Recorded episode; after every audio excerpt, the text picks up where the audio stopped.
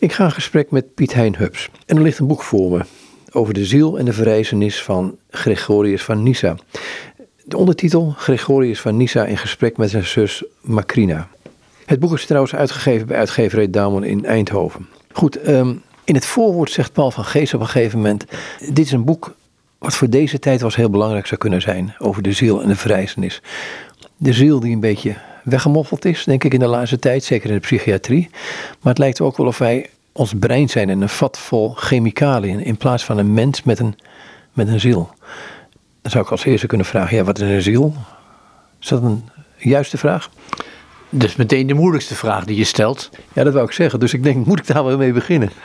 Want uh, als we één ding kunnen zeggen van, uh, van Gregorius van Nyssa, is dat hij het mysterie van de mens, evenzeer als het mysterie van God, zodanig hoog acht, dat hij de beroemde uitspraak doet, wat onze spraak en onze taal te boven gaat, hebben we geleerd in zwijgen te eren.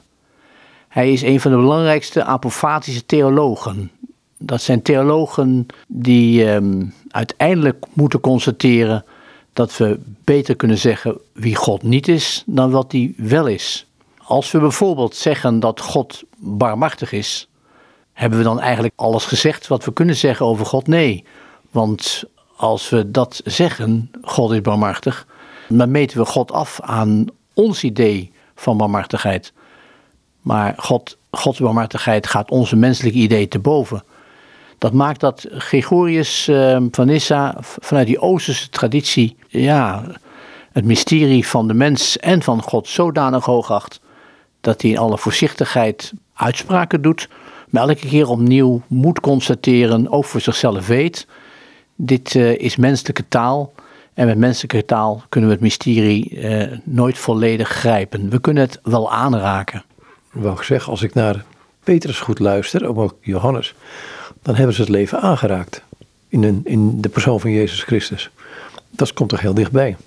Zeker, dat is uh, volstrekt waar. En dat door God aangeraakt zijn, door Gods geest bemoedigd en begeesterd te zijn, is ook wat Gregorius uiteindelijk drijft om uh, zijn vele geschriften te schrijven, waarvan dit geschrift over de ziel en verrijzenis maar één enkel voorbeeld is. Het aardige van, uh, van dit boek dat ik nu heb gemaakt is dat het de eerste keer is dat dit Nederlands is, uh, is vertaald. Uh, over de ziel en de verrijzenis. Dat was nog niet eerder beschikbaar in het Nederlands. Er zijn wel enkele andere teksten van Gregorius bekend in het Nederlands, zoals de, het, leven van Mozes. Maar dit, dit geschrift was er nog niet in het Nederlands. En daarom met vreugde kondig ik het nu aan. Omdat Gregorius van Nyssa een een vader is uit de Oosterse kerk die veel te weinig bekend is in Nederland. Hij geldt, beseft dat, uh, als de vader vaders in de Oosterse kerk. In, in 787 wordt hij door de Oosterse kerk ook als zodanig erkend. Wat is nou het belang van dit boek? Um, het is een tweegesprek tussen Gregorius en zijn zus, Macrina. En zij geeft als vrouw de antwoorden. Het heel bijzondere aan dit, aan dit boek is dat inderdaad Gregorius van Nyssa, een bisschop uit de vierde eeuw, hij leefde in Klein-Azië, dat toen Grieks was, hè, in het huidige Cappadocië, was een Griekse bisschop aanwezig, nou Gregorius van Nyssa, uh, met zijn oudere broer Basilius de Grote, ook bisschop, en uh, hun gemeenschappelijke vriend Gregorius van Nazianze, ook een bisschop de drie Cappadocische kerkvaders, zo belangrijk voor de ontwikkeling van de drie-eenheidsleer. Die Gregorius van Issa in Cappadocië, die uh, had een oudere zuster, Macrina. Ze geldt als een van de belangrijkste vrouwelijke filosofen uit de oudheid. Die zus Macrina ligt op haar sterfbed en Gregorius gaat snel naar haar toe als hij hoort dat ze ziek is. En in de laatste uren van haar leven spreken ze met elkaar over de ziel en de verrijzenis. En dan is het wonderlijke dat een vrouw dus, hier in dit geval Macrina, haar jongere broer Gregorius, bisschop, man, toespreekt en uitlegt hoe het zit met de ziel en de verrijzenis. Dat is een, een, een buitengewoon opvallend kenmerk daarvan. Dat tweegesprek nu gebeurt door een vrouw die een man toespreekt. Terwijl het feitelijk dit gesprek een pendant is van een gesprek dat veel eerder is gevoerd. Namelijk in 399 voor Christus, als Socrates in zijn laatste uren is En ehm, hij de gifbeker moet gaan drinken. En dan het verhaal eh, vertelt met zijn, spreekt met zijn vrienden over uh, de rechtvaardigheid van de mens en de onsterfelijke ziel. Zoals Plato dat uh, heeft geconcipieerd. Dat tweegesprek vindt plaats tussen Socrates en zijn vrienden. Hij stuurt zijn huilende vrouw Xantippe weg. En vervolgens hier in dit gesprek van Gregorius van Nyssa is het ineens de vrouw die uh, de man gaat uitleggen hoe het zit met uh, het vertrouwen in het eeuwige leven. Het wordt gedaan in het boek in een vorm van een tweegesprek. Gregorius stelt de vragen, maar die stelt de vraag ook heel vanuit een soort heidendom wat toen gangbaar was. Jazeker. Gregorius speelt daarin de rol van de onwetende, die elke keer opnieuw bedenkingen opwerpt tegen uh, uiteenzettingen van Macrina. Het is goed je te realiseren dat dit geschrift is geschreven in de vierde eeuw op een moment dat de heidense filosofen zich verweerden tegen het christendom met onbegrip kennisnamen van het geloof in de onsterfelijke ziel en in het geloof in de verrijzenis. En Gregorius in dit geschrift met name dan een poging doet om te laten zien dat er redelijkheid is in de christelijke godsdienst, de christelijke openbaring. De verbinding tussen Griekse filosofie en christelijke openbaring wordt hier gemaakt, wel zodanig dat de redelijkheid van, van, die, van die christelijke openbaring wordt getoond, ook met de hulp van heidense filosofemen, met name dan het, eh, de filosofie van Plato. Op wat voor manier doet hij dat? Want wat, eh, je kunt het verder uitleggen, wat ik net dat het best wel belangrijk is. In deze tijd meen ik hetzelfde te bespeuren. Kijk, Gregorius verzet zich bijvoorbeeld tegen Epicurus, die uitgaat van de leer, eh, tot in deze tijd gangbaar. Geniet van het leven, pluk de dag en is het afgelopen, dan is het ook werkelijk helemaal afgelopen. Dood is dood en uh, het is voorbij. Gregorius verzet zich in dit geschrift van de ziel en de verrijzenis en toont de redelijkheid van het voortbestaan van de ziel. Ten eerste gaat hij uit van de overtuiging dat er een ziel in de mens aanwezig is. Dat komt in de, in de moderne uh, filosofie weer terug op allerlei plekken, dat de ziel er weer mag zijn. Vorig jaar is er een interessant proefschrift verschenen over de menselijke ziel hier in Nederland. En um, vervolgens uh, gaat hij met die wetenschap over de menselijke ziel gaat hij aan de gang om te tonen dat uh, het leven zijn eindigheid kent als het stoffelijke leven, maar uiteindelijk een voortzetting krijgt. De menselijke ziel kent zijn onsterfelijkheid en wacht als menselijke ziel het moment af dat daar de verrijzenis zal zijn, de lichamelijke verrijzenis. Ook dat wordt gethematiseerd in dit, in dit mooie boekje, waarin uitgelegd wordt door Gregorius hoe hij zich dat voorstelt, met argumenten die, uh, die ons af en toe wel vreemd voorkomen, maar die wel, wel, wel, wel voor die vierde eeuw heel interessant zijn, omdat, ze, uh, omdat Gregorius hier zich verhoudt met de uh, Griekse filosofen, met de Griekse filosofie van, van die vierde eeuw, zich verhoudt met name ook met de elementenleer. Kun je dat verder uitleggen? Ja, dan komen we op een lastig, op een, op een lastig punt van, van het boekje. Namelijk dat uh, Gregorius probeert te tonen dat de ziel als, als niet-lichamelijke substantie, als geestelijke kracht, in staat is om alle elementen van het menselijk lichaam uh, te blijven herkennen, ook na het uiteindelijke sterven van de mens. Uh, kijk, de, de, het begin van het boekje begint allemaal met het verdriet dat uh, Gregorius toont om het nader het sterven van zijn lieve zus. Daar begint het verhaal mee. En Macrina probeert duidelijk te maken dat die droefheid niet nodig is, want er is de christelijke hoop van het eeuwige leven. Gregorius probeert dat in eerste instantie niet te begrijpen, want hij is degene die de, de, het weerwerk tegen de, de opvattingen van Macrina uh, levert. Maar uiteindelijk komt hij samen met haar op het spoor dat de menselijke ziel de levenskracht is, die zo krachtig is dat hij ook na het sterven van de mens de menselijke elementen weer terug zal brengen in een nieuw lichaam van een etherischer niveau. Je zegt hij is met het sterven van zijn zus aanwezig. Um, gaat het boekje dan ook in zekere zin over levenskunst? Jazeker, het gaat over levenskunst, omdat um, de wijze waarop we ons leven, al of niet deugzaam leven, mede bepaalt hoe dat sterven zal zijn En hoe wij in dat voortleven van die ziel na dit leven uiteindelijk onze plek vinden. Dus uh, Macrina legt uit dat een vorm van deugdzaamheid, met name in het beheersen van de eigen passies van de, van de ziel, dat dat zijn effecten heeft op, op onze voortgang na dit leven. Er worden beschouwingen ook gericht over de zuivering van de ziel na dit leven. Alweer, dat, dat zijn beelden die uit de vierde eeuw voortkomen, die voor ons uh, hier en daar natuurlijk heel vreemd zijn, maar die heel boeiend zijn, omdat ze ons een inkijkje geven in de beleving van mensen in de vierde eeuw. Een van de dingen die in het boekje naar voren komt, is dat uh, over de ziel. In het begin kwam die vraag: wat is de ziel? En het is nog het is heel moeilijk om een antwoord op te geven, besef ik. Maar wel dat de ziel geschapen is in, de gelijkenis, in het gelijkenis van God. Ook de ziel is geschapen naar het beeld en gelijkenis van God. Hè? De, de, hele mens is geschapen naar het beeld en gelijkenis van God. Maar juist die ziel, die levenskracht die God ons uh, inblaast, die levenskracht wordt dan ja, omschreven door de menselijke ziel. En dat is inderdaad een geestelijke substantie.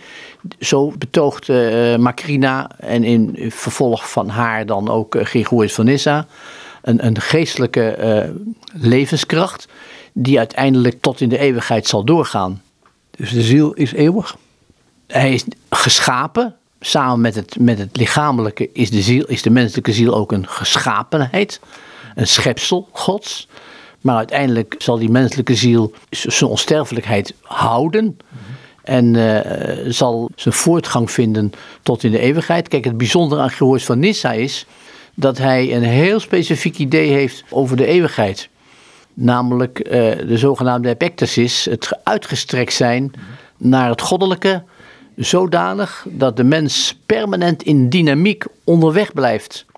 Gregorius is niet de man die voorstaat de idee van de eeuwige aanschouwing van God. Maar is de man die pleit voor de, idee, voor de gedachte dat de mens een permanent onderweg is naar God tot in de eeuwigheid. De oneindige liefde van God is zodanig groot dat die mens ook alleen maar dynamisch gericht kan zijn op weg naar God. En uiteindelijk in die dynamiek verbinding vindt met God in een permanente uitgestrekt zijn. Hè? Het, het, het, beroemde woord van Paulus over het uitgestrekt zijn naar God toe. Dat is, um, ja, hoe moet ik dat zeggen?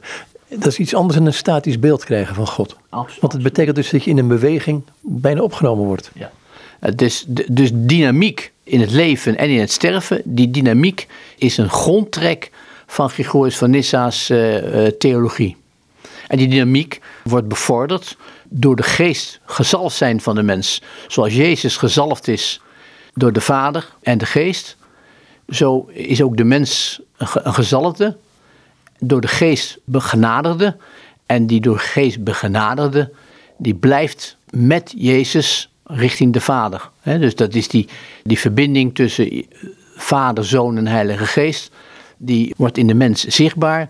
En het eenvoudigste wat de mens daarvoor hoeft te doen, is het kruisteken te maken. In de naam van de Vader en de Zoon en de Heilige Geest.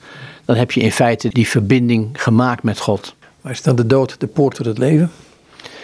Voor Gregorius en Macrina is inderdaad de, de dood de poort naar het, naar het eeuwige leven. Dat is uh, in, in de mooie dialoog die hij geschreven heeft, maakte hij dat heel erg zichtbaar. Dat daar aan het na dit leven de liefde van God ons allen wacht. Toch is er het sterven. Er is het sterven, dat is ook een, een, een, een, een droevig moment. Ook dat wordt in het boekje uitgebreid beschreven door Gregorius, hoe droevig hij dat vindt. En hij vol onbegrip is over het feit dat, dat Macrina hem probeert te beteugelen in zijn verdriet. Dat verdriet wordt, wordt niet minder, maar het wordt wel gekaderd binnen een, een groter geheel van sterven en verrijzen. Daar staat er een prachtige tekst hoor. Ik heb er een tekst uitgehaald. Um, over de ziel. De uitspraak dat de ziel de gelijkenis van God is, heeft duidelijk gemaakt dat alles wat niet bij God behoort, niet thuis hoort in de definitie van de ziel. Um, kunnen we dat becommentariëren? Nou ja, hij legt dat uit dat begeerte en drift niet deel van de goddelijke natuur zijn. Dat maakt dat begeerte en drift niet tot het wezen van de ziel behoren. En uitgewogenheid en Gods liefde hun spiegeling vinden in de menselijke ziel in zijn edelste vorm. Dat die ziel bezoedeld wordt door, door menselijke aandriften, Ook dat wordt, uh, wordt besproken door Gregorius. Dat beschouwt hij dan als uh, aangroeisels waar je vanaf moet uh, na dit leven. Daar heeft hij ook zijn interessante en hier en daar curieuze ideeën over. Maar in ieder geval is het zo dat je de goddelijke natuur en, en de ziel met elkaar mag verbinden in die zin dat de mens geschapen is door God en niet ehm, in het geschapen zijn als zodanig het kwaad in zich meedraagt. Maar er is wel zoiets als bekering en de kruisdood van Jezus. Als gevolg van het menselijke kwaad dat wij zelf bedreven hebben en we, en we bedrijven, en we nog steeds ook in leven in dat menselijke kwaad, daarom is, uh, is Gods verlossing ook nodig in dit leven en ook om uh, straks uh, in de verrijzenis te kunnen delen in, in, in Gods heerlijkheid. Daar is inderdaad Jezus' verlossing essentieel voor. En is um, in dit boekje weliswaar het verlossende handelen van Jezus niet zo gethematiseerd. Maar is wel essentieel voor Gregorius in zijn andere geschriften. Dus het ligt een grondslag van dit boekje, kun je wel zeggen. Maar dan die weg van de ziel, want dat, dat intrigeert me. Um, ik heb het idee dat er bepaalde stukken in staan, en ik vind het het meest waardevolle, waarin hij die weg van de ziel, zoals wij zijn, wie wij in werkelijkheid zijn, die weg naar de opstanding toe, dat hij die beschrijft. En dan niet in de zin van, um, is er wel of niet een opstanding, maar meer in de zin van, uh, hoe komt onze ziel tevoorschijn en wat wordt er afgelegd? De, de beschrijving van Gregorius' leven van de mens wordt gezien als een geschapen zijn van naar lichaam en ziel. En hij beschrijft dan het leven van de mens als een permanente groei. Hij verbindt dat heel duidelijk met het uh, beeld van, uh, van het zaad in de grond en de korenaar die uiteindelijk gaat uitbloeien. Hij, hij toont dat die menselijke ziel in een permanente groei is, permanente ontwikkeling kent en door het deugdzame leven tot steeds grotere omvang geraakt. Hij gebruikt het wonderlijke beeld van het, van het uitdijende vat. De, van de ziel als een uitdijend vat, waarin de, waarin de goedheid van God steeds meer ruimte krijgt. En die, dat uitdijende vat ook steeds meer uh, mogelijkheden krijgt om uit te stromen in goedheid. Dus de verbinding tussen God en de mens in die menselijke ziel is daar noodzakelijk, opdat Gods goedheid voluit kan instromen en uitstromen bij die mens. Het is een zeer interessant mensbeeld dat Gregorius ontwikkelt en wat wij ja, in het Westen niet zo goed kennen eigenlijk. Daarom maakt, maakt het ook zo interessant om juist zo'n Oosterling, zo'n Oosterse theoloog, uh, filosoof, om daar kennis van te nemen. Wat doet het jou? Want jij leest dit. Je zegt dit is een beeld wat wij niet kennen. Kun je het verder ja, uitweiden? Want er staan een aantal prachtige voorbeelden in het boekje. Onder andere wat je noemde, eh, het zaad in de akker, de pottenbakker. Ja, hij, hij gebruikt uh, uiteraard gebruikt hij, uh, beelden ook uit de Heilige Schrift. Want kijk, wat hij uiteindelijk doet, Gregorius, samen met Macrina, is de erkenning dat als het erop aankomt, de heilige filosoof moet stoppen bij het moment dat de, de christelijke openbaring het gaat overnemen hij dan laat zien dat die heidense filosofie gebruikt kan worden om begrip te krijgen voor die christelijke openbaring, maar uiteindelijk de, de christelijke openbaring de basis vormt waarop de uitleg verder plaatsvindt over het, het, leven in dit leven en na dit leven. Daar heeft hij, de Heilige Schrift uh, hanteert hij daarvoor en gebruikt hij verschillende plekken. Kijk, de, wie die uitzonderlijk veel gebruikt, is de apostel Paulus. Hij gaat zelfs zo ver, Gregorius, om als hij het over de apostel heeft, met een hoofdletter, dan heeft hij het over Paulus. Hij hoeft, hij hoeft niet eens die naam toe te voegen, omdat, omdat ieder weet, oh, dat is natuurlijk Paulus. Je zegt die openbaring is belangrijk, maar wat ik bij Macrina ook lees en haar antwoord is dat de reden enorm belangrijk is daarin, in dat evenwicht.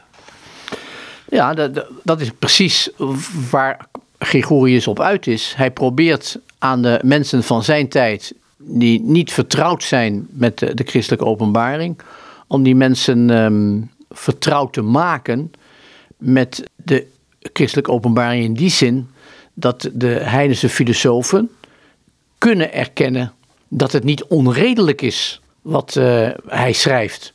Hij probeert um, in zijn geschrift via Macrina's woorden duidelijk te maken wat de christelijke openbaring leert, is niet bezijden de reden.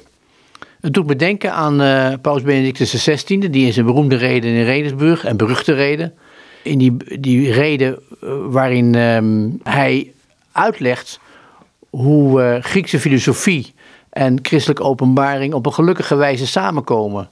Benedictus gaat zelfs zo ver dat die, die Griekse filosofie de komt van die Griekse filosofie en het hanteren daarvan door de christelijke openbaring in die, in die eerste eeuw van het christendom als een stukje voorzienigheid betracht. Die, die verbinding tussen geloof en reden vindt in dit mooie werkje van Gregorius van Nyssa werkelijk een, eh, een prachtige uh, vertaling, omdat uh, natuurlijk het een hele opgave is voor de christenen om het acceptabel te maken dat de mens na dit leven zijn eeuwige leven mag afwachten. In afwachting van, uh, van, de, van de lichamelijke verrijzenis. Dat is voor onze tijd een moeilijke opgave om dat uh, begrijpelijk of, of acceptabel te maken als een mogelijkheid. Maar dat was in die vierde eeuw evenzeer een geweldige opgave voor de mensen van die tijd. En Gregorius heeft daar moedig zijn best voor gedaan samen met Macrina. Hij durft daarvoor de reden te gebruiken. Hij durft er ook onder ogen te zien dat het alternatief daarvoor misschien wel is in allerlei mistige en um, vreemde esoterische uh, richtingen te vluchten. Ja, hij, hij wijst bijvoorbeeld, er komt een heel deel, uh, een van de zes delen van het werk, is een beschouwing over de, mogelijkheid van de reïncarnatie van de mens. Die wijst hij af, uh, die wijzen ze af, Macrina en Gregorius.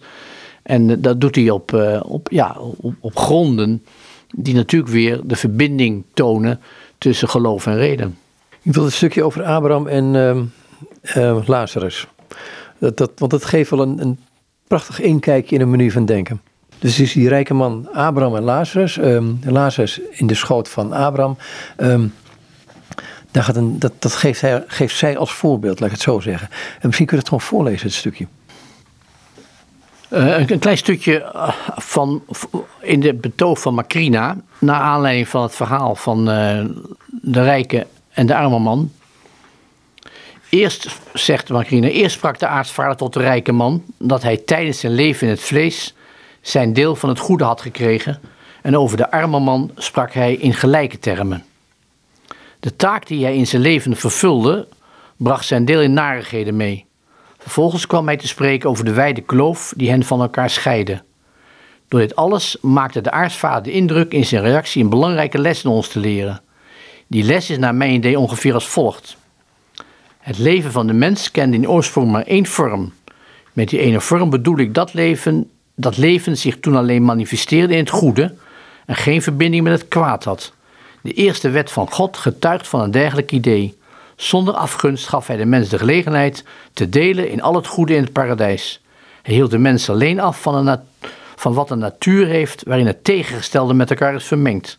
Het kwaad namelijk met het goede. God zette de dood erop als straf voor het overtreden. Maar de mens gaf in vrije keuze, in een beweging van eigenmachtigheid, zijn deel dat onvermengd was met het kwaad op. Hij verkoos het leven waarin goed en kwaad met elkaar zijn vermengd. Gods zorgzaamheid liet zeker niet onze onberadenheid zonder correctie. Voor de brekers van de wet volgde onontkoombaar de dood, vastgesteld als straf daarvoor. God deelde het menselijk leven in tweeën: het leven in het vlees en het leven na de dood buiten het lichaam. Hij begrensde de twee levens niet met een gelijke maat van tijdsduur. Hij bakende het leven voor de dood af met een uiterst korte tijdsduur als grens. Het leven na de dood verlengde hij tot in de eeuwigheid. In zijn menslievendheid gaf hij de vrije keuze in welk leven iemand de beide losbestemmingen wil hebben. Dus de keus wordt aan ons gelaten, in liefde aan ons gelaten, om het zo te zeggen. En liefde laat zich niet dwingen. Ik proef er een beetje in dat God mensen wil die van hem houden. Uit vrije keus. Het gaat inderdaad om Gods liefde voor de mens, die uh, uitziet naar de wederliefde van de mens. En um, die uh, het menselijke leven tot in de eeuwigheid wenst en daar op zoek naar is. De parabel van de rijke en de arme mens daarin uh, toont als het de parabel van uh, Gods liefde die uitgaat naar de mens. Maar dat is ook zo'n curieus in, want, want Lazarus dan, is dan in de schoot van Abraham. En die rijke man die sterft en, uh, in, in vuur. dan krijgt hij als curieus antwoord van, ehm, als er een wonder gebeuren, iemand in de dood ontstaan, nee hoor, je kunt, hè, want hij was zijn broers waarschuwen, dus hij is, hij is nog steeds aan dit leven gehecht en niet aan God zelf. Als zij niet Mozes en de profeten leest, dan, dan, uh, ja, dan kan iemand in de dood opstaan, maar dat geloven ze ook niet. Ja, de, de, de, de wijde kloof die, uh, die aangebracht wordt, die wijst juist naar de keuze voor of tegen het deugdzame leven. Hè? Dat is wat, uh, wat in feite uh, aan de orde is voor, uh, voor Macrine. Dus de keuze voor of tegen het deugdzame leven is, heeft wel gevolgen voor het leven na dit leven, zo betoogt Macrina. En um, dan spreekt zij in het vervolg van het geschrift over de noodzaak van de zuivering na dit leven. Een zuivering die, meer of, die korter of langer zal duren. Om uiteindelijk in een volledig herstel van de hele schepping toch bij God uit te komen. Dat is de troost die Gregorius hier aanbrengt. Namelijk dat hij in alle narigheid van mensen toch uiteindelijk um, het um, perspectief toont van het volledig herstel van de gehele schepping.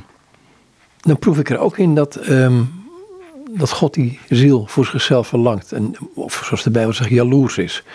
en hij wil die ziel in de manier waarop hij haar gevormd heeft of vormen kan. God ziet uit en biedt troost. Uiteindelijk zal dat lichaam van ons uiteengevallen bij de dood worden hersteld. En dat is uh, de troost die, die, die, die God biedt. Zo, uh, zo betoogt Makrina in het vierde deel van het, uh, van het boekje. Geeft zij um, een, een, mooie uiteenzetting. Mijn, mijn leermeesteres antwoordde: laten we tegen hen als volgt spreken. Vrienden, zonder reden tonen jullie je ongenoegen en ontevredenheid over de wijze waarop alles met elkaar in zinvol verband staat. Omdat jullie geen idee hebben naar welk doel alle gebeurtenissen in het universum stuk voor stuk zorgvuldig geordend zich bewegen.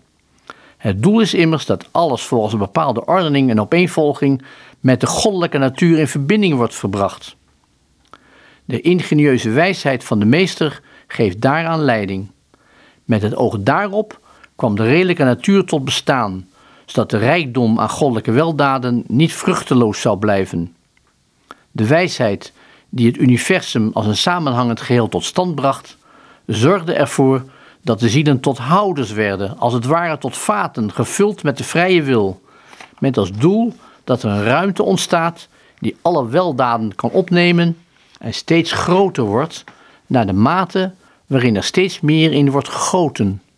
Want het delen in Gods goedheid gaat zo dat deze, degene in wie ze komt, vergroot en verruimt. De ontvanger van die goedheid neemt toe in kracht en grootte, met als gevolg dat wie zich ermee voedt, blijft groeien en nooit ophoudt groter te worden. De bron van de goedheid blijft onafgebroken overstromen. De natuur die aan Gods goedheid deel heeft, ontvangt niets dat overtollig en onbruikbaar is. De menselijke natuur maakt heel de toevloed van goedheid tot een uitbreiding van haar eigen grootte en wordt tegelijkertijd vaardiger in het aantrekken van het goede en krijgt des te meer ruimte om dat goede in zich op te nemen. Beide vermogens nemen met elkaar toe. Het vermogen zich te voeden groeit bij de gulle overvloed van al het goede, terwijl de voorraad aan goedheid die de zielen voedt uitstroomt, wat gepaard gaat met het alsmaar groeien van wie de overvloed ontvangt. Je mag dus verwachten dat zij die grenzeloos kunnen doorgroeien, tot zo'n grootte zullen rijken. Als vervolgens zulke perspectieven voor ons aanwezig zijn, stoor je er dan aan dat de natuur voortgaat naar haar eigen doel langs de weg die voor ons is vastgelegd? We kunnen toch echt onze gang daarheen alleen maar maken als dat wat op ons weegt, ik bedoel die aardse last, die zwaar op ons drukt, van onze ziel is afgeschud. Als we ons dankzij een betere gerichtheid hebben gezuiverd onze hechting aan de stof, die we in het huidige leven hebben ontwikkeld, kunnen we ons verbinden met wat bij ons hoort. Maar als je dan toch nog een zekere gehechtheid bezit aan dit lichaam van ons, en het loslaten ervan als een geliefd bezit jou pijn doet, ook dan hoef je niet te wanhopen. Dat lichaam, ons omhulsel, dat nu in de dood uiteen zal vallen, zal, zo zul je zien, uit dezelfde elementen weer worden samengeweven. Waarbij bij niet zwaar graf materiaal eraan te pas komt. Er wordt nieuw gesponnen, zodat iets ontstaat dat fijner en etherischer is.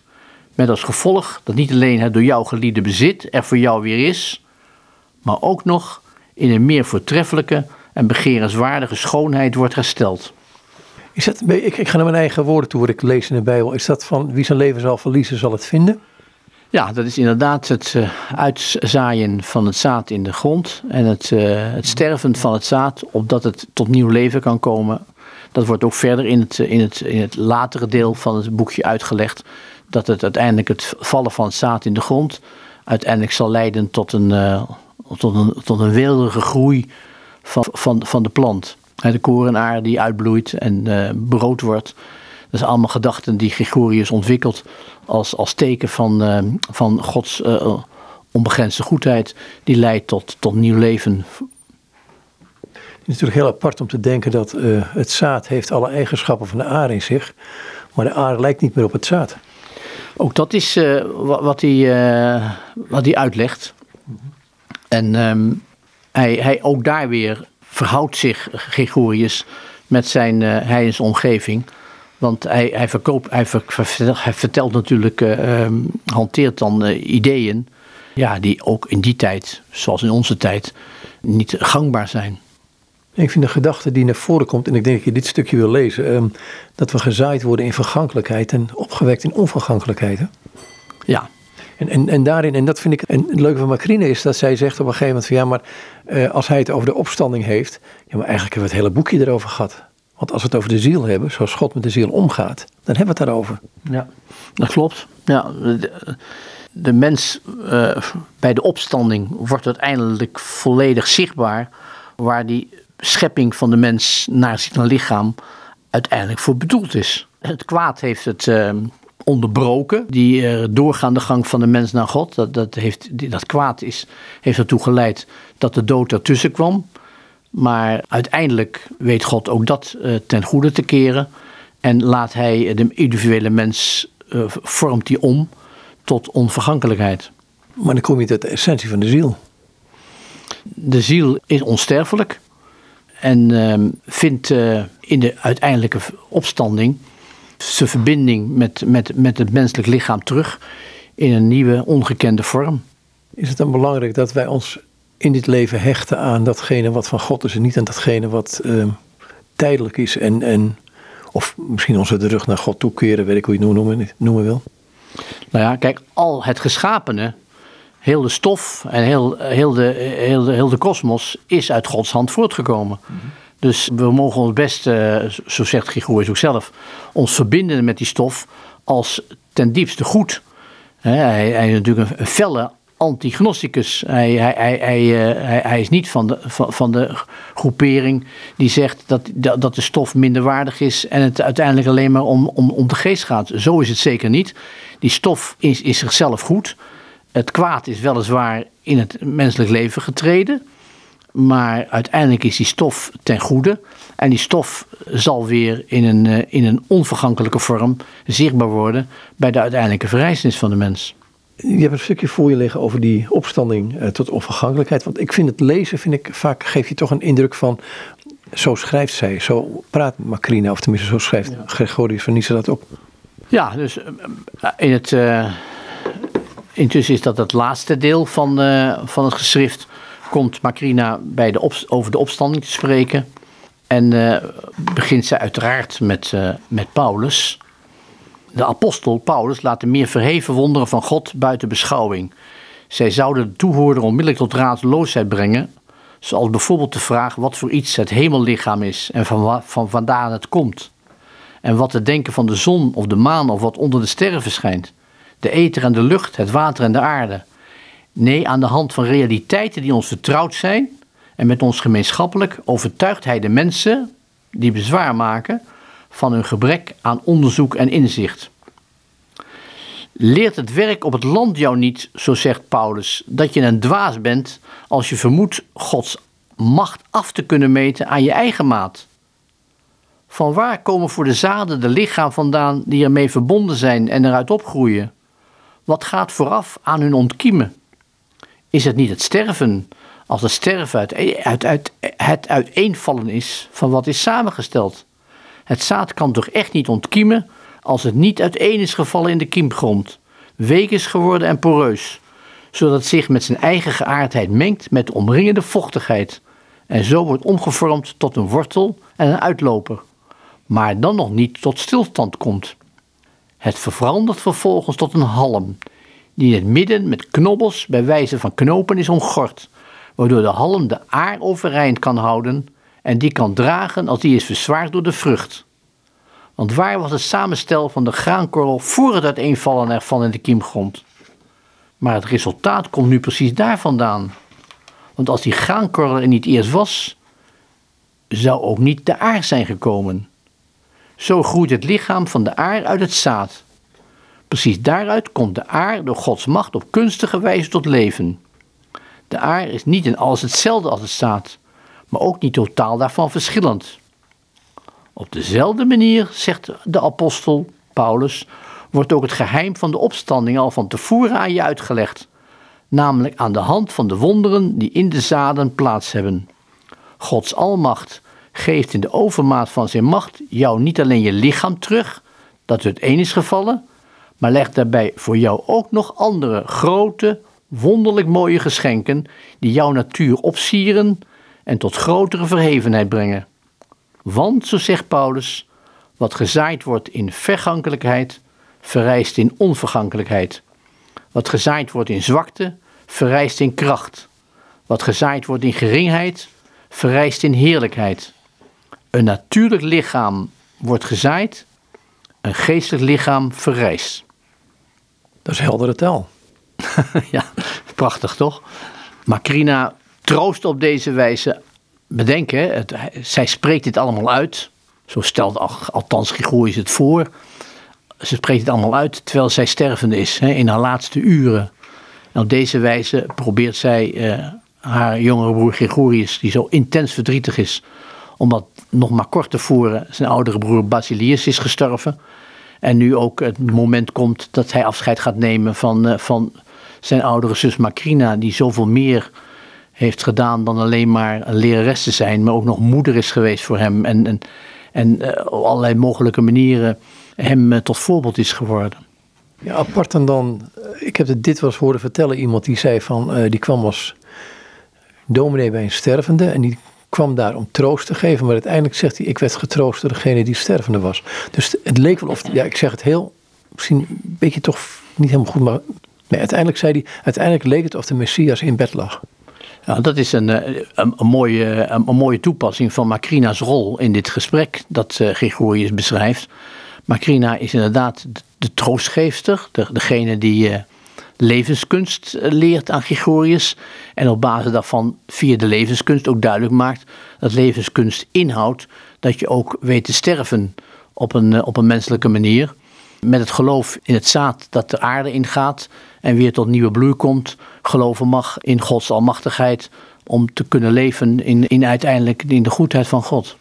Heeft daar het, um, wat ik proef in het hele boekje trouwens, um, ga een beetje van hot naar her, maar dat daar het genieten van God een enorme belangrijke rol speelt. Ja, genieten van God is um, in beleving van Gregorius van Nyssa, is dat, die, uh, dat gericht zijn op God. Die zogenaamde epectasis, hè, die uitgestrektheid naar, naar God toe. Het is het, het nooit eindige genieten. Het is een, een eeuwige voortduring van gericht zijn op God. Die dynamisch is, die, die onderweg blijft omdat de, de, oneindigheid en de onbegrijpelijkheid van Gods goedheid zodanig is dat de mens dat nooit volledig kan vatten en uh, kan omvatten. Dus altijd uh, onderweg blijft. Het wordt, uh, daardoor wordt het dus nooit saai in de hemel. Het, het komt nooit tot, tot stilstand, zeg maar. Maar vreemd dat wij zonder die extra dimensies die er zijn, de pretentie hebben als mensen, zeker ook in deze tijd, maar ook in die tijd de heidenen, dat dit alles is, dat er verder niets anders, anders is dan ditgene. Ja, het ligt voor de hand dat we het uh, zo benaderen. Het blijft natuurlijk een, um, een onbegrijpelijk mysterie om te geloven in, in de verrijzenis. Dat, dat is ook een, uh, ja, een ongehoord en onbegrijpelijk mysterie waar we met, met huiver alleen maar van kennis kunnen nemen dat het überhaupt denkbaar is. En ja, het is heel begrijpelijk dat mensen daar, daar geweldige moeite mee hebben, omdat er nooit nog iemand terug, terug is gekomen. ja, dan, dan kunnen we slechts uh, leven. Ja, één, één, is, één is teruggekomen. teruggekomen. Daarom kunnen we alleen maar ons verlaten op de christelijke openbaring. En uh, op, het, op het getuigenis van de, van de apostelen en het getuigenis van de evangelie. Maar ja, dat, dat vraagt wel dat je de genade van het geloof moet kunnen ontvangen. Om dat ook in je leven uh, tot je door te laten dringen. Dat dat een, een, een werkelijke mogelijkheid is. Dat de mens nieuw leven zal ontvangen. Kom ik op die vraag die ik eerder stelde: van, uh, is het Macrine, Macrine zo? Je hebt net een hele mooie tekst aangelezen. Is het dan zo dat zij, um, omdat ze in die, dat verlangen naar God leefde, in dat genieten eigenlijk al van God leefde, dat ze eigenlijk naar Gregorius op een gegeven moment zei: ja, maar als hij het vraagt over de opstanding van het lichaam, dat ze zeggen: ja, maar daar hebben we de hele tijd over gehad eigenlijk. Uh, heel het menselijke leven, vanaf de conceptie van de mens, waarin lichaam en ziel worden aangelegd, zou je kunnen zeggen. Heel dat menselijke leven, van, van vrucht tot mensenkind, tot volwassen mens, tot ouder wordende mens, tot stervende mens, tot gestorven mens, heel die doorgaande beweging is getekend door de notie dat lichaam en ziel met elkaar verbonden zijn en uiteindelijk beide gericht zijn op het eeuwige leven, op het, op het leven samen met God met, samen met de medemensen. Want eh, vergeet niet dat uh, Gregorius een, eh, een, een, een, stevige vertegenwoordiger is van de stromingen binnen de, binnen de christelijke kerk, waarin de mens slechts als medemens deel heeft aan het grote mysterie van God. Een van de dingen die wij in onze onbescheidenheid wel eens voor granted nemen, is het feit dat wij niet van onszelf zijn, maar van God zijn. Dat God de eigenaar van onze ziel is. Ja, alweer. Dat is een, ehm, een, een, christelijke overtuiging die niet vanzelf spreekt, voor, uh, voor, ook voor moderne mensen niet. Wij, wij leven in een sfeer van autonomie, van, uh, individualisme, van wij zijn beheerder van onszelf. En um, dat is in die, in, die, in, die, in die vroegere christenheid, in die, vroege, in die eerste eeuwen van het christendom, werd dat anders gezien en beleefd. Daar was een mens eerder Um, hij werd meer mens naarmate hij als persoon op het moment dat hij verbonden was met medemensen. En dat is nog to, toch in deze tijd is dat ook de, ja, toch de diepe overtuiging van christenmensen. Dat uh, wij niet zozeer mens zijn naarmate we meer individueel zijn, maar naarmate we meer in verbinding zijn. Wij zijn, als we zijn geschapen naar Gods beeld en gelijkenis, dan zijn we geschapen naar het beeld van de goddelijke drie-eenheid, die Vader, Zoon en Geest met z'n drieën zijn omdat ze één zijn. dus God is drie-eenheid en is eenheid. Uh, God is één omdat hij drie is. God is, is zichzelf relatie. We hebben wat dat betreft natuurlijk toch wel een ja, zeer relationeel godsbeeld. En dat relationele godsbeeld dat vindt zijn weerslag in het, in het mensbeeld. Waarin de mens als, als uh, pas volledig mens wordt, naarmate hij steeds meer medemens wordt in mijn schooltijd, toen ik nog rector van de, van, van de middelbare school was, dan uh, leerde ik aan, uh, aan de leerlingen en aan de ouders, als ze naar het, naar het in Haarlem kwamen, wat hebben wij voor taak eigenlijk als school? Nou, wij hopen je hier met elkaar te leren dat je van mens tot medemens kunt worden.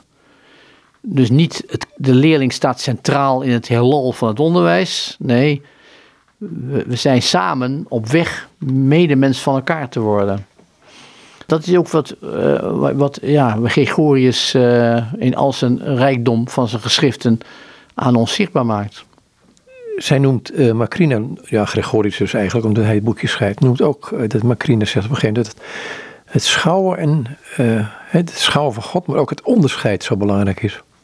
Dus nogmaals, en dan heeft um, het is op basis van een vraag die Gregorius stelt. Uh, dan gaat het door het verlangen van de ziel, gaat over naar het genieten van de goddelijke liefde. Um, dat stukje. Het is interessant om te zien hoe uh, op dit moment uh, Paus Franciscus bij, bij herhaling spreekt over de noodzaak van onderscheiding der geesten. Om, kijk, heel zijn idee over de, over de, de synodaal dialoog, over de gedachten van de toekomst van de kerk die staan allemaal in het teken van, um, van het onderscheiden. Dat wil zeggen het, het, het uitpeuren van wat goed is en wat minder goed is. Het onderscheiden van, um, van het goede ten opzichte van het minder goede. Dat onderscheiden is, eh, is een kenmerk van goed menselijk leven. Macrina hanteert het hier ook als eh, de wijze waarop uiteindelijk de menselijke ziel op weg kan gaan naar de goddelijke liefde. Als dat onderscheiden uh, werkt en het, het goede en het minder goede van elkaar worden uh, gescheiden, dan um, kan de ziel als in een spiegel naar een oerbeeld kijken. Uh, het oerbeeld dat natuurlijk in God is. Kun je een klein stukje van lezen misschien? Ja. Um, de schoonheid is van nature in staat ieder aan te trekken die zijn blik richt op de schoonheid. Als dan de ziel zich van alle kwaad heeft gezuiverd, zal zij volledig in de schoonheid verblijven. En de schoonheid is naar zijn eigen natuur het goddelijke, waarmee de ziel door haar zuiverheid gemeenschap zal hebben, omdat ze zich verbindt met wat haar eigen is. In dat geval zal de ziel geen behoefte meer kennen aan de drijfveer van de begeerte, die ons de weg kan wijzen naar de schoonheid. Hij die in duisternis leeft, kent, kent begeerte naar het licht. Maar bij hem die in het licht verkeert, zal de begeerte plaats maken voor het genieten. Het vermogen om te genieten maakt dat de begeerte haar kracht verliest en verschraald raakt. Met als gevolg hiervan dat het deel hebben aan het goede geen enkele schade toebrengt aan de ziel als de ziel vrij is aan zulk, van zulke bewegingen. Terugkerend naar zichzelf, beziet ze zichzelf heel precies hoe ze namelijk van nature is. Als in een spiegel en een beeld kijkt de ziel door haar eigen schoonheid naar haar oerbeeld. Want eerst dan kun je werkelijk spreken van een exacte gelijkenis met het goddelijke, als onze ziel, hoe dan ook, de transcendente natuur nabootst. Want de natuur die alle denken te boven gaat, is ver verwijderd van wat we in onszelf waarnemen en leidt op een andere manier haar eigen leven, niet op de manier waarop we nu in dit leven staan. Vervolgens gaat ze door op geloof, hoop en liefde. Ja, de liefde die geen grens kent. Hè. Hij, hij, uh, Gregorius Macrina, die uh, hanteert uiteraard het, het hooglied op, op, van de liefde in, in 1 Corinthiërs.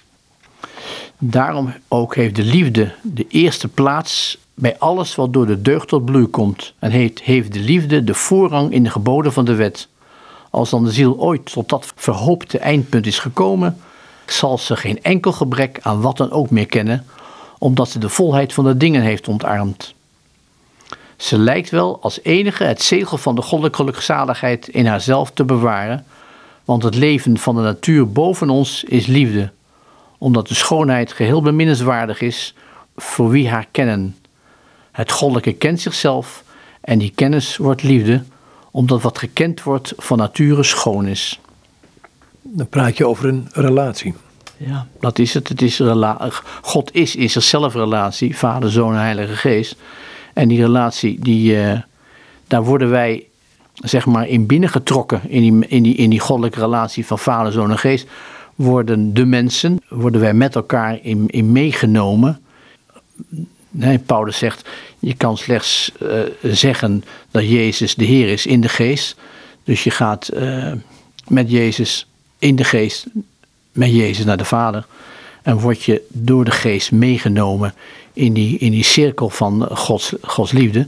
Die rondedans, hè, in de, in die, bij die Oosterkerk is, is de, de, de, de rondedans, wordt het beeld gebruikt van de rondedans van Gods liefde. De rondedans van Vader, Zoon en Geest. Je zou kunnen zeggen, de, de Heilige Geest geeft ons uh, in ons leven nu al dansles, opdat we eens kunnen delen in die, in die, in die goddelijke liefde. En dan had je het eerder in het gesprek over de ruimte waarin we ingesteld worden, de onbegrensdheid ook van de liefde. Dat zegt hij ook van de schoonheid. En um, dat zegt hij op een gegeven moment, de schoonheid vindt alleen een begrenzing door het tegendeel ervan. Um, en dat vind ik wel een hele aparte ding. Ja, de liefde is dus onbegrensd en kan alleen begrensd worden door liefdeloosheid en door het tegenovergestelde. Waardoor we, um, als we ons niet aan de liefde van God overgeven, ons beperken eigenlijk als mens. Herken je dat ook in dat, dat geschrijven van, um, van, van wat Macrina zegt tegen Gregorius, wat Gregorius opgeschreven heeft? Verzadiging lukt het niet de continue gerichtheid op de liefde voor de schoonheid te storen want Gods leven zal altijd actief blijven door de liefde, die van nature schoon is, van nature liefdevol gericht op de schoonheid en geen verzadiging kent van een liefdevolle activiteit. Een prachtig woord, dit verzadiging. Dus, dus het, het feit dat je, ehm, daar heb ik wel eens moeite mee met sommige richtingen in andere geloven, dat God stationair is en dat is het dan. Terwijl ik denk, dit is, dit is die onverzadigbaarheid van de liefde is, Precies. ja, je kunt er niks over zeggen eigenlijk. Nee, hier kom je precies weer a- a- waar ik aan het begin van het gesprek zei. Namelijk, Gregorius is een, eh, een apofatische theoloog. Hij, hij beweert van alles, hij zegt van alles, maar uiteindelijk zegt hij ook: Bedenk mens, eh, God geeft ons ehm, kindertaal. In de, in, in de schrift geeft hij ons kindertaal. Een gebrabbel van een moeder die eh, toedeelt aan haar kind wat een mens, wat een kind kan vatten. En alles wat wij van God als woorden ontvangen, zijn, ehm, zijn moederlijke tekenen van ehm, Gods gebrabbel tegen ons, opdat wij het maar op een of andere wijze kunnen verstaan. Dat is heel apart. Betekent dus, nee, maar het is ook heel liefdevol. Ja, precies. Ja. Het, is, het, is, het is een van die prachtige woorden van Gregorius van Nyssa, hè, waarin, hij, waarin hij inderdaad dat, de, de, de, de schrift beschouwt als een gebrabbel van een, van een liefdevolle moeder. Meer kunnen wij niet vatten. Hè, ik zeg, eh, de- hij is zo diep overtuigd van het onvermogen van de mens om volledig het menselijk mysterie te kunnen snappen. Laat staan het mysterie van God dat eh, ja, we, lijken in dit gesprek met elkaar wel heel veel te kunnen en willen zeggen over God. Maar in feite is Gregorius elke keer opnieuw op zijn hoede om duidelijk te maken: mens, je praat wel veel. Maar besef toch dat je aan het brabbelen bent. En dat je ehm, reageert op het gebrabbel van God. Omdat je als, als klein mensenkind eh, geen benul hebt van, van de onbegrensdheid en de toegankelijkheid en de, eh, en de continuïteit van Gods onbegrijpelijke liefde. Onbegrijpelijk, het is gebrabbel naar ons toe. En tegelijkertijd herken ik daarin eens eh, die liefde van God voor ons. Waardoor wij, als ik Macrina goed begrijp in dit, dit geschrift, Gregorius van Nice ook, van God, ehm, hij wil ons graag als zijn eigen doen, maar ook wij zijn waardevol voor hem. Wij zijn zijn schepping. Uh, Wij, wij zijn, zijn, zijn door hem gewilde mensenkinderen. Van, van wie hij hoopt dat die naar hem teruggaan en zich omkeren, zich bekeren en weer vol vreugde op weg gaan naar hem toe. En als dat dan in dit leven niet volledig lukt, nou dat is voor ons allemaal natuurlijk het geval, dan zal dat in het leven na dit leven zeker wel gebeuren. Zo is de troost die Macrina aan, uh, aan Gregorius biedt. Ik ga toch weer naar mijn favoriete quotes bij de, met de mystieker vandaan. Van, het is of God mij in zijn liefde tevoorschijn probeert te kijken. Nou, dat is, dat is een, een, mooi, een, een mooi uitgedrukt. Ik kan dat niet helemaal meteen plaatsen in termen van Gregorius. Die, um, nee, dat kan ik niet. Ik kan, kan niet misschien meteen nu een beeld gebruiken, vinden waar Gregorius uh, mee werkt. Maar Gregorius is eerder degene die, um, die, die, die, uh, die dynamiek, permanent die dynamiek hanteert in, zijn, uh, in, in de relatie tussen God, tussen de mens en God, op weg naar God. Dus je bent altijd op weg tot in de eeuwigheid. En dat naar een liefdevol persoon toe? Na, na, naar de liefde God zelf. Hè? Want God, om uit Johannes te spreken, God zelf is liefde. En dan hebben we alweer, hebben we, moeten we dan meteen weer zeggen dat we er maar amper begrip van hebben. Als je, als, als je over apofatiek praat, over negatieve theologie, verstaat woord negatief dan goed. Dat betekent dat, dat we allereerst besef hebben van onze eigen onwetendheid en ontoereikendheid van onze kennis. He, dat is zo fundamenteel voor, de, voor de, de, de Oosterlingen, voor de Oosterkerk, dat we alleen maar kunnen stamelen en een uh, voorafbeelding van, van het hemelse kunnen maken via de hemelse liturgie, die de, uh, de Oosterkerk uh, in volheid als een hemelse liturgie ook presenteert. Was dit nou een stamelend gesprek? Dit is in feite behoorlijk stamelen. Ja. En daar hoeven we ons niet voor te generen, want we zijn in heel goed gezelschap, namelijk van Macrina en Gregorius zelf, die, die volledig benullen en besef hebben van hun, uh, hun eigen ontoereikendheid. Maar wel uiteindelijk, en ik denk dat we dat ook in dit gesprek toch uh, hebben gethematiseerd, troost kunnen hebben en kunnen, notie kunnen hebben van, van, van levenskunst als een voorafschaduwing van, van eeuwig leven. Ik word hier belaten, dankjewel. Joop, van harte dank voor je uh, gewillig oor en voor het samen op zoek zijn naar uh, wat uh, Gregorius en Macrina hebben voorgestaan in de vierde eeuw. En wat nu in het boekje over de ziel en de verrijzenis in Nederlandse vertaling voorradig is voor mensen. En ik hoop van harte dat veel mensen daar ehm, troost in vinden en bemoediging om, een, ehm, om vol vertrouwen door te gaan in dit leven en ook vol vertrouwen uiteindelijk te sterven. En dit zei Pietijn Hubs. En hij is de inleider, vertaler en uh, hij voorzag het boekje van aantekeningen, het boekje wat hij net noemde, over de ziel en de verrijzenis van Gregorius van Nyssa. Het boek is trouwens uitgegeven bij uitgeverij Daman in Eindhoven. Goed, nogmaals is het zo voor dit gesprek met Piet Hein Hubs.